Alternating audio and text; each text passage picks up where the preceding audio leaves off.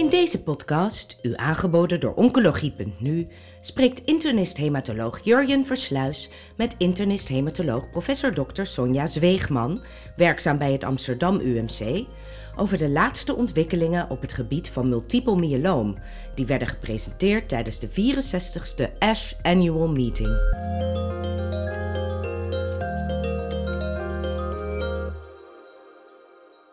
Sonja Zweegman, welkom bij deze podcast over de hoogtepunten op het gebied van multiple myeloom van ASH 2022 in eh, New Orleans. Sonja, ik zag op de congres-app uh, en op Twitter eigenlijk alleen maar mensen praten over myeloom. Het leek, uh, het leek alleen maar of de myeloom mensen twitterden. Dus er is veel nieuws getoond op deze ASH. Wat waren voor jou de hoogtepunten? Nou, ik denk een mengeling. Uh, zowel eigenlijk oude middelen die nieuw werden ingezet bij ouderen en aangepast, maar ook natuurlijk de immunotherapie met nieuwe resultaten. En ook wat nieuwe middelen die we helemaal nog niet hadden met een uh, ja, ander mechanism of action, zoals zo mooi wordt uh, genoemd. En ik denk dat dat ook nodig is voor die patiënten die al uitgebreid voorbehandeld uh, zijn geweest. Ja, dus ik zeg altijd maar, er is nooit één highlight. Het is, er waren er vele en het mooie is dat er voor iedere patiënt eigenlijk iets was wat van toegevoegde waarde is. Dat is misschien wat het mooiste voor multiple myeloom patiënten. Ja, dat, dat biedt ook perspectief voor de toekomst uh, als behandelaren. Hè? Ja. Zullen we beginnen met de, de kwetsbare oudere patiënten? Een, uh, een belangrijk aandachtsgebied van jou ook. Die hebben natuurlijk veel last van toxiciteit van de behandeling. Um, en ik, uh, ik zag een interessante Franse fase 3-studie, waarbij lenalidomide dexamethason werd vergeleken met daratumumab en lenalidomide zonder dexamethason of met minder dexamethason. Kan je iets vertellen over die, over die studie? Ja, nou, mooie studie. Een beetje voortbouwend op de studie van La Rocca, hè, die bij Intermediate Fit destijds heeft gekeken naar het verminderen van de dosering uh, lenalidomide na 9 cycli en helemaal staken van dexamethason. Dat was net zo goed, en minder bijwerkingen. En uh, vandaar dat de Fransen dit in de frail-patiënten hebben gedaan. Het is de eerste gerandomiseerde uh, studie in de frail-patiënten. De van 143 was het niet gerandomiseerd.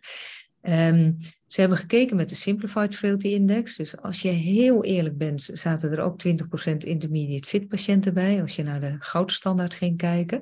Maar wat ze zagen is dat DARA met len lenalidomide effectiever was dan lenalidomide dexamethason. Ja, dat hadden we eigenlijk wel verwacht. De enige uitkomstparameter was overigens uh, de response rate. Nou, die was uh, uh, bijna 100% uh, bij DARA-R en rond de 85% bij patiënten die met Lendex werden behandeld. Um, we hadden natuurlijk verwacht dat er minder toxiciteit zou zijn in die DARA arm. Dat was eigenlijk niet zo. Misschien een trend tot iets minder pneumonie. Staken van de therapiedotoxiciteit was gelijk 15%. Dus ja, effectiever. Ja, het kan waarschijnlijk weggehouden worden, uh, maar nog niet substantieel vermindering van de bijwerkingen. Als je heel eerlijk bent, hadden ze natuurlijk eigenlijk ook een andere standaardarm moeten nemen, want je had natuurlijk DARA lenalidomide versus DARA lenalidomide dexamethason moeten doen. Dan had je echt een mooi antwoord kunnen geven. Dat hebben ze niet uh, gedaan, dat is jammer. Uh, maar ik denk dat bij de ouderen steeds meer data komen dat dexamethason uh, verminderd zou moeten worden. En dat daratumumab, de moleculaire antistoffen, eigenlijk heel goed mogelijk zijn bij de kwetsbare ouderen.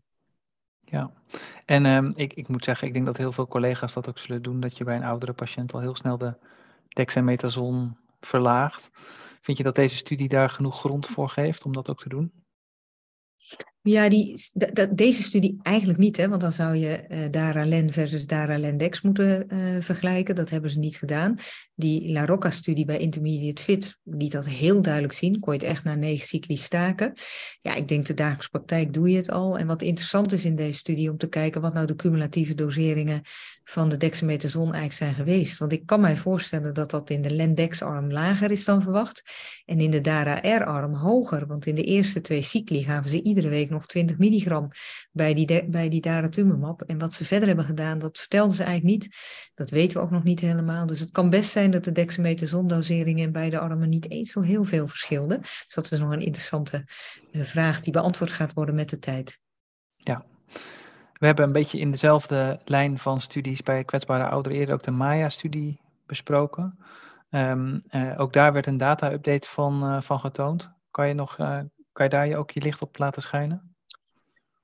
Ja, het is denk goed om voor de Nederlandse situatie nog een keer te vermelden. En dat komt omdat we eigenlijk willen kijken of bij oudere patiënten de therapie niet zouden kunnen staken na verloop van tijd en weer zouden kunnen hervatten als de ziekte weer terugkomt. Nou, dan zijn eigenlijk lange termijns update data altijd van belang. Ja, prachtig met een mediane follow-up van 62 maanden bleek inderdaad die mediane PFS Um, die, die is heel erg hoog, hè? die is die 62 maanden.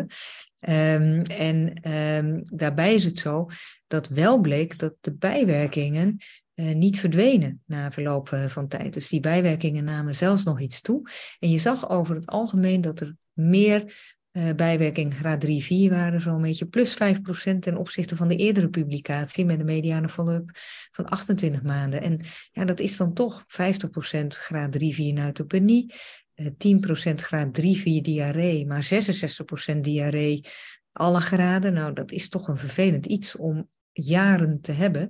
Datzelfde geldt voor misselijkheid, bijna 40%, moeheid 45%, met ook uh, ja, 3, graad 3, 4, 10%. Dus um, overal gradering, uh, hoge toxiciteit en de graad 3, 4 toch, uh, ja, toch ook substantieel. En ik denk dat het een mooie opmaat is om toch te trachten de therapie te kunnen gaan stoppen. En uh, hopelijk gaan we die studie kunnen verrichten in Nederland. Ja, want nog even voor de goede orde, dat, dit is de studie met Dara Lendex versus Lendex. Lendex, ja. En je ja. zag dus een toename van de toxiciteit ook in de DARA Lendex versus de Lendex. Dus substantieel hoger en met name voor de infecties was dat ook uh, hoog. Dus de pneumonieën veel meer uitgesproken in de La, uh, DARA Lendex uh, arm. Dus tot 30% van de patiënten.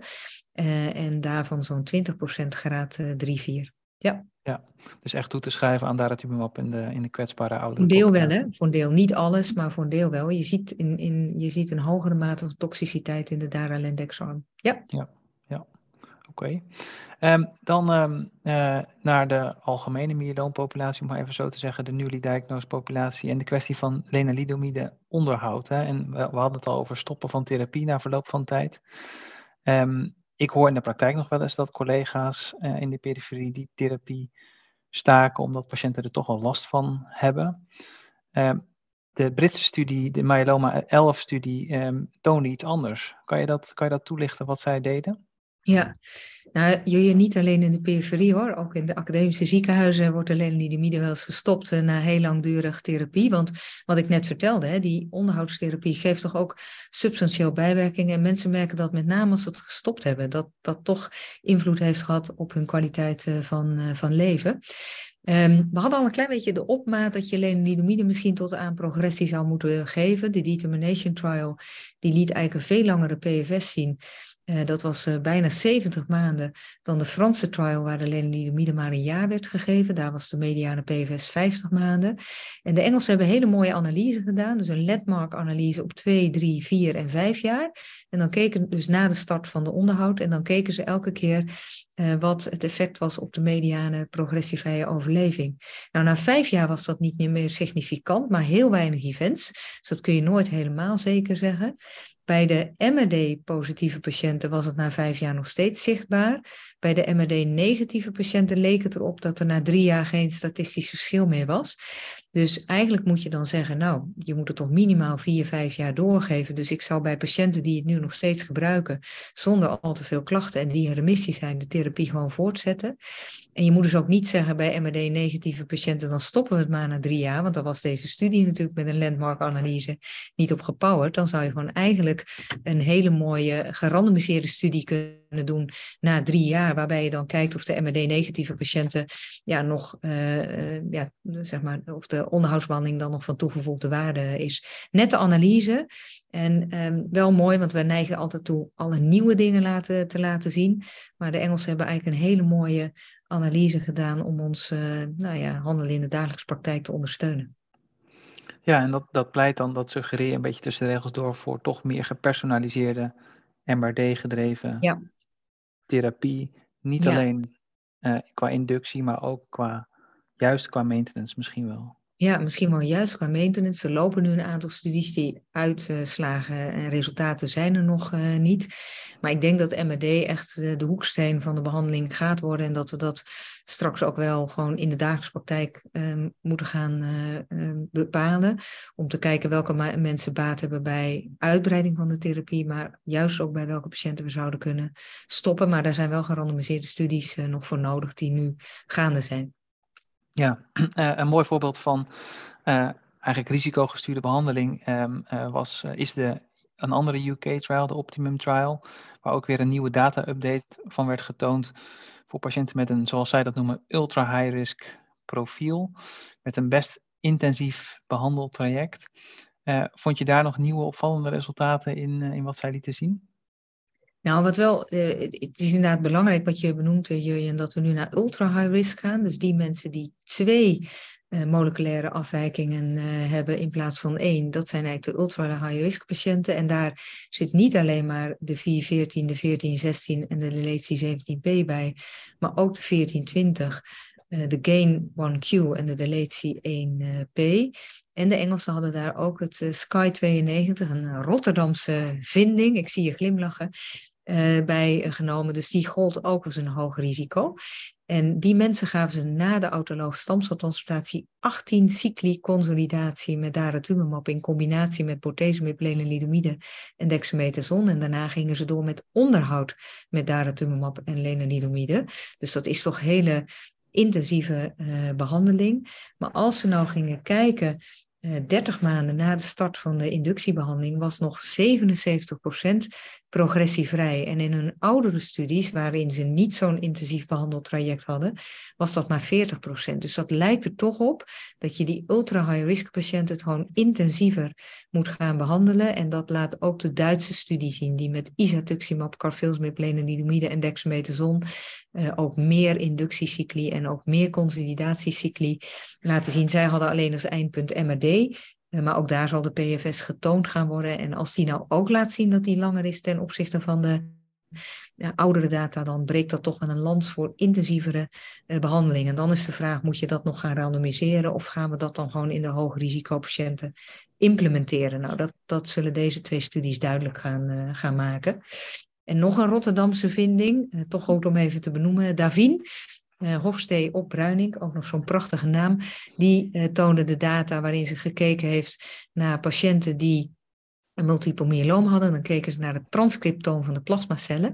En uh, sommige van die patiënten die tonen een beeld wat patiënten hebben met een plasmacelleukemie. En dat hebben soms mensen met een multiple myeloom ook. En die hebben ook een slechtere prognose.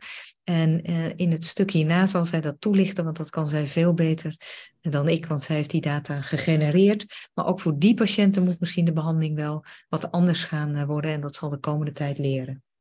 Beste luisteraars, mijn naam is Davine Hofsteel Bruining en ik ben artsonderzoeker in de groep van professor Sonneveld op de afdeling hematologie van het Erasmus MC in Rotterdam. Op de afgelopen ASH-meeting in New Orleans heb ik een presentatie gegeven over ons meest recente onderzoek naar de identificatie van nieuw gediagnosticeerd multiple myeloom met ultrahoog risico, waarvan ik u de komende minuten een samenvatting zal geven. Rationale voor deze studie was dat het bij patiënten met multiple myeloom steeds gebruikelijker wordt om zogenaamde risicogestuurde trials te doen, om zo de beste eerstelijnsbehandeling te kunnen identificeren voor hoog risico reden hiervoor is dat deze groep patiënten minder baat gehad heeft bij de introductie van nieuwe middelen dan de meeste andere patiënten met standaardrisicoziekten. En in deze context is het dus extra belangrijk om hoog risico goed vast te kunnen stellen. Recent heeft onze groep twee nieuwe prognostische tools gepubliceerd in Journal of Clinical Oncology. De eerste is genaamd plasmacelleukemie-like status, afgekort PCL-like status, wat een nieuwe risicofactor is waarmee myeloompatiënten geïdentificeerd kunnen worden met een vergelijkbaar tumortranscriptoom als patiënten met een primaire plasmacelleukemie, zonder dat er dan hierbij klinisch gezien sprake is van een leukemie. PCL-like status heeft onafhankelijke prognostische waarde in de context van klassieke prognostische markers in multiple myeloom. De tweede prognostische tool die recent gepubliceerd is, is de zogenaamde Revised-2 International Staging System, afgekort Revised-2 ISS, wat een update is van de ISS en de Revised ISS stadieringssystemen. Deze prognostische marker combineert klassieke risicofactoren in myeloom, die betrokken zijn bij onder andere proliferatie, tumorgrootte en resistentie tegen apoptose en identificeert op basis hiervan vier verschillende risicogroepen. Vooralsnog was het echter nog niet duidelijk of de combinatie van P-cell-like status met Revised 2ISS-stadium de risicoclassificatie in nieuw gediagnosticeerd myeloom nou verbetert. Om dit te onderzoeken hebben we tot nu toe data kunnen verzamelen van 865 nieuw gediagnosticeerde myeloompatiënten die geïncludeerd zijn in de HOVON 65 GMMG HD4 trial, de HOVON 87 NMSG 18 trial, de EMN 02 HOVON 95 trial en de MMRF Compass studie, met hierbij een mediane follow-up duur van 55 maanden. PCL-like status had significante prognostische waarde in de context van Revised 2ISS-stadium gecorrigeerd voor leeftijd en gestratificeerd voor studiecohort en dit had zowel betrekking tot de progressievrije als tot de algehele overleving.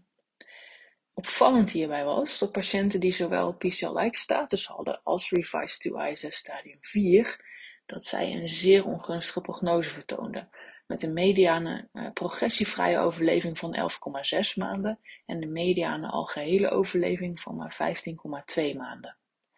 De resultaten van deze studie hopen we op korte termijn te kunnen valideren in andere studiecohorten. Het veld van uh, nieuwe immuuntherapie kwam ook weer uitgebreid aan bod tijdens de ASH. En wat zijn hier de belangrijkste spelers in het veld in jouw ogen? Ja, het blijft natuurlijk altijd de bispecifieke antistoffen en de CAR T-celtherapie. Het is ook altijd moeilijk om een keuze te maken tussen die twee. Uh, in het algemeen is het zo dat patiënten met agressievere ziekte vaak uh, prima met bispecifieke antistoftherapie worden uh, behandeld, omdat die direct off the shelf beschikbaar zijn. Terwijl voor CAR T moet je toch een paar weken wachten. En ja, dat is soms niet mogelijk met hele agressieve therapie. En van beide lieten ze A, langere updates zien.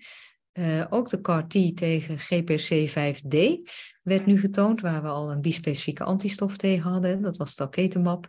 Um, en um, dat is denk ik uh, nou, belangrijk om nog eens kort te benoemen wat daar aan nieuwe data uh, waren. Uh, misschien om te beginnen met de BCMA CD3-bispecifieke antistoffen. Uh, we weten natuurlijk uh, de teclistamab, in Nederland ook veel ervaring mee. Nu overigens ook een compassionate use programma beschikbaar voor patiënten. daar gezien dat ongeveer 70% van de uitgebreid voorbehandelde patiënten reageren en uh, dat de mediane progressieoverleving zo rond de 11 maanden uh, is. En nu twee nieuwe spelers in het veld, ook BCMA CD3, bispecifieke antistoffen en dat zijn elrenatamab en alnuctamab. Um, en uh, het moet gezegd, die hebben ongeveer een gelijke effectiviteit, zo van rond de 70 uh, procent. En ook daar lijkt het erop dat die mediane PFS zo rond die uh, 11 maanden uh, zal zijn. Ik denk een heel belangrijk iets om bij deze therapie te benoemen is, het zal in toenemende mate in Nederland nou, voorgeschreven gaan worden. En wat iedere hematoloog eigenlijk moet weten, is dat naast het feit dat de effectiviteit goed is en patiënten toch weer een tijd van leven gecreëerd krijgen, dat ook de bijwerkingen wel substantieel zijn. En een belangrijke bijwerking is toch infecties. Um, enerzijds komt dat omdat het natuurlijk langdurig voorbehandelde patiënten waren die door de ziekte en de voorbehandeling al een gecompromitteerd immuunsysteem hebben. Maar anderzijds zie je bij de bispecifieke antistoftherapie dat er een hypogammaglobulinemie ontstaat. Um, aanvankelijk wachten wij eigenlijk tot de eerste ernstige infectie alvorens we gamma-globuline gingen toedienen. Maar omdat we zoveel infecties hebben gezien, uh, zie je toch dat we dat al vroeger gaan doen. Eigenlijk op het moment dat er een hypogammaglobulinemie uh, ontstaat. Eerlijk gezegd weten we natuurlijk niet of dat beter is dan wachten tot aan een infectie, maar dat zie je toch allengs gebeuren. Het andere is, is dat het van belang is om um, antibiotische prophylaxe te geven. Dat doen we vooralsnog nog steeds uh, met uh, cotrimoxazol uh, als uh, kokkenprofilaxe, maar ook als PEP-profilaxe en de vallen cyclovir. Maar je ziet soms ook toch CMV-reactivatie. Dus ik denk dat bij die patiënten die hoge koorts hebben, onverklaard, dat je toch ook aan opportunistische infecties moet denken en ook aan virale reactivaties. Dus ik denk dat dat een belangrijke ehm, ja, iets is om te benoemen voor de algemene praktijk. Dat we daar beducht op, op moeten zijn. Um, nou, verder de CRS, de cytokine release syndroom, dat zie je natuurlijk met name uh, alleen in de eerste en de tweede gift, daarna eigenlijk niet uh, meer. Maar dat ook dat zo rond de 50 tot 60 procent, geen graad 3-4. Maar graad 2 is toch ook hypotensie en uh, zuurstofbehoeftig worden. Dus dat is wel iets om, nou, om in de gaten te houden. In die centra waar het gegeven is, zijn ze daar natuurlijk ook algemeen mee bekend. Zeg, en, mooie data. Ja, wat is, wat is dan jouw, want ik, ik denk dat je helemaal gelijk hebt dat dit soort middelen steeds meer, dat we dat steeds meer in de praktijk gaan zien. Hoe lang adviseer jij mensen op te nemen bijvoorbeeld bij zo'n behandeling als dit? Of wat doen jullie in Amsterdam? Ja, eh, wat we meestal doen eh, bij al deze middelen is meestal een step-up uh, dosering. En wacht je zo'n beetje tot na de derde dosering of er dan geen uh, cytokine syndroom is uh, opgetreden. Dan zie je het ook uitdoven en dan kunnen ze dan naar huis. Dus meestal zijn ze krappe week uh, als het ware opgenomen. Um, ja, er was nog wel een mooi verhaal. Uh, dat was een andere bispecifieke antistof met cevostamab. Hè, dat is tegen de FC-gamma-receptor gericht. Ook een CD3 FC-gamma-receptor bispecifieke antistof.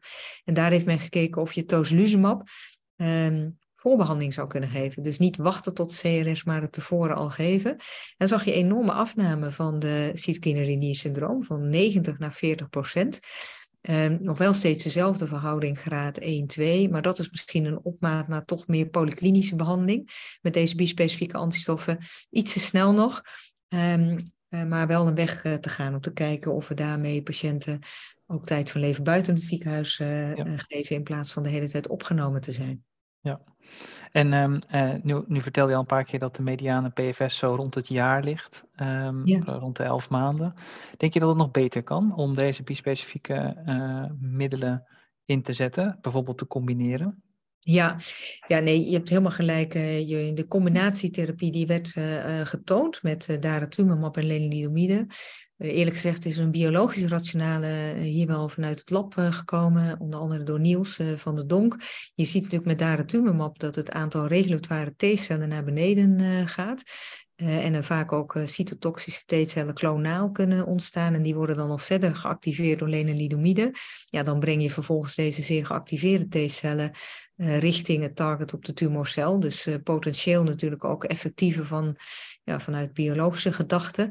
En dat zag je ook. Um, je zou, er is een, een abstract getoond, de clistamab, daratumumab en lenalidomide. Ja, hoge mate van respons, hè, 95 procent. Je moet ja. wel zeggen, het waren patiënten die minder voorbehandeld waren, 1 tot 3 lijnen. Uh, 35% was al wel uh, daratumumab exposed en 20% was al refractair. Dus ja, of dat overal responspercentage nou hoger is omdat het vroeger in de lijn is, of door de combinatie, durf ik niet helemaal te zeggen, maar wel prachtige uh, resultaten. Um, en alle patiënten waren al wel lenalidomide voorbehandeld en ook 30% refractair. Dus je, je doet dan toch iets wat dus um, ja, het, uh, de refractair zijn voor deze middelen overkomt. Uh, mooi. Ook hier wel um, in het abstract nog lager genoemd, maar tijdens de presentatie op ASH 91% van de patiënten infecties, oh. 38% graad 3-4. Uh, pneumonie 25%, 15% graad 3-4. Wel in een COVID-tijd, dus dat kan ervoor gezorgd hebben dat die infecties wat hoger waren. Want 38% had COVID doorgemaakt, 13% graad 3-4. Maar ook sepsis hoor, tot 10%, CMV-infectie 6%. Dus de combinatie, die gaat natuurlijk in de Majestic 7 bij ouderen uitgetest worden. Misschien nog wel even slikken ook hoor, om te kijken, ja. want die is natuurlijk ook nog echt gevoelig voor infecties. Um, nou, echt iets om in de gaten uh, te houden. Maar wel hele hoopgevende effectiviteit. Ja, dus dat is wel echt iets voor de toekomst um, ja. uh, waar we nou, waarschijnlijk meer van gaan zien. Ja. Um, uh, dan moeten we natuurlijk de CAR-T-cellen ook niet onbesproken laten. Er werd de, de data van de Karma-studie, die kennen we natuurlijk al uit de New England van vorig jaar. en die, dat heeft denk ik geleid tot de Karma 2-studie in de tweede lijn, waarbij CAR-T-cellen bij, nou jij kan het beter vertellen, bij hele hoogrisicopatiënten werden toegepast met een snel recidief na eerste ja. behandeling. Ja, ja de, de Karma-studie, mensen die dus eigenlijk um, 18 maanden na de start van de therapie uh, werden behandeld uh, met uh, CAR-T-cellen. En ehm, je zag een hoge mate van respons. maar de mediane progressievrije overleving, die leek toch iets meer beperkt te zijn. Ook zo rond die elf maanden even uit mijn hoofd. Het velletje even kwijt. Maar ik dacht dat dat zo was. Ehm, het lijkt er toch op dat de Cardio twee resultaten die uh, al eerder een keer door Niels zijn uh, gepresenteerd. Overigens nog wel 19 patiënten nog maar. In de Karma waren het iets meer dan 30 patiënten. Er was nu een poster. Ja, en daar zag je dat uh, na 18 maanden nog um, ehm, 93% van de patiënten progressievrij waren. Dus het lijkt erop dat Siltacel ook in deze situatie iets ja, eh, effectiever is dan ieder cel, maar in ieder geval uh, wel weer een mooie behandeling voor die patiënten die toch biologisch hoog risico zijn. Want die hebben misschien geen hoog risico klassificatie bij aanvang, maar tonen wel hoog risico te zijn omdat ze zo snel recidief hebben. Um, en dan lijken CAR T-cellen dus ook uh, van toegevoegde waarde te zijn. Wat ik nog wel mooi vond, is dat er ook nog, want we vergeten soms met de immunotherapie wel eens dat we ook andere tweede en derde lijnstherapieën hebben. En uh, ze lieten ook nog de isatuximab uh, carfilzomib lenalidomide uh, studie zien, of de, nee, niet de lenalidomide, ISA-KD. Uh, en uh, dat was een subanalyse die door Tom Martin werd uh, getoond. En toen lieten ze de data zien bij patiënten met een vroeg relapse, waar ook deze patiënten, dus met een vroeg relapse naar autoloog, in zaten. En daar was de mediane progressievrije overleving 25 maanden. Toen heb ik hem nog gevraagd hoe dat specifiek was voor de patiënten die een autoloog stamceltransplantatie hadden ondergaan. Die data had hij niet beschikbaar nog, die zou hij laten weten. Maar ik denk dat je ook niet moet vergeten dat we ook nog gewoon niet CAR T-celtherapieën in deze situatie kunnen geven. En dat isatuximab, carfilzomib, dexamethason zeer effectief ook is in deze situatie. Nou, dat is een heel goed punt. Ik wil, ook, ik wil die ook eigenlijk vragen, want CAR T-cellen vroeg inzetten kan ook problemen geven. Zeker als je uh, andere T-cel gemedieerde therapieën wil geven, zoals de uh, bispecifieke antilichamen. Voorzie jij daar nog een, een probleem of een, zeg maar een volgorde van voorkeur? Ja, grote, daar zijn enorme discussies nu over uh, gaande. Ik denk uh, als je biologisch redeneert dat het het slimste is om eerst je CAR T-celtherapie te geven en dan pas je bispecifieke, omdat bij bispecifieke antistoftherapie er toch exhaustion van je T-cellen gaat plaatsvinden. Uh, mogelijk ook een reden waarom patiënten een recidief uh, ontwikkelen. Ja, als je die T-cellen dan vervolgens gaat oogsten om daar CAR T-cellen van te maken, dan is dat niet het juiste moment. Uh, misschien is dat zelfs een reden om T-celbanken aan te gaan uh, leggen um, voor patiënten die behandeld gaan worden. Maar met de, de kiezen van de volgorde zou, zou CAR T-cel en dan bispecifiek waarschijnlijk een betere uh, volgorde zijn en ook switchen van target. Hè. Dus we hebben nu CAR T-cellen ook bijvoorbeeld tegen GPRC5D. Uh, eh, en dat je dan daarna bijvoorbeeld de clistamab uh, gaat geven tegen BCMA of elranatamab of elnuctamab. Um, maar um, dat is wel iets wat de komende tijd um, ja, moet gaan tonen, want we zeggen het allemaal wel, we hypothetiseren vanuit biologische gronden, maar of het waar is weten we nog niet. Dus die sequenties zullen uitgezocht moeten gaan worden wat het meest effectief is. Ja, nou, belangrijk. Nou, we komen bijna aan het eind van de podcast. Um, en uh, ik wil je tot slot nog vragen, wat zit er nog in het vat? Wat moeten we nog in de gaten houden? Of wat zijn nieuwe dingen die, uh, die je nog gezien hebt, die je interessant vindt? Ja, nou, er zijn twee uh, nieuwe compounds uh, die mij opvielen, die getoond werden, die een heel ander mechanisme uh, van actie hebben. Dat is, in het Nederlands klinkt dat al helemaal niet, maar werkingsmechanisme zou daar een beter woord voor zijn. Modakafusp is een immunocytokine en dat is eigenlijk zo geconstrueerd dat interferon alfa richting de plasmacel wordt gebracht door het te koppelen aan de FC-staart van een monoclonaal tegen CD38. Dus ja, dat monoclonaal gaat natuurlijk adhereren aan de plasmacel en vervolgens wordt interferon daar gebracht.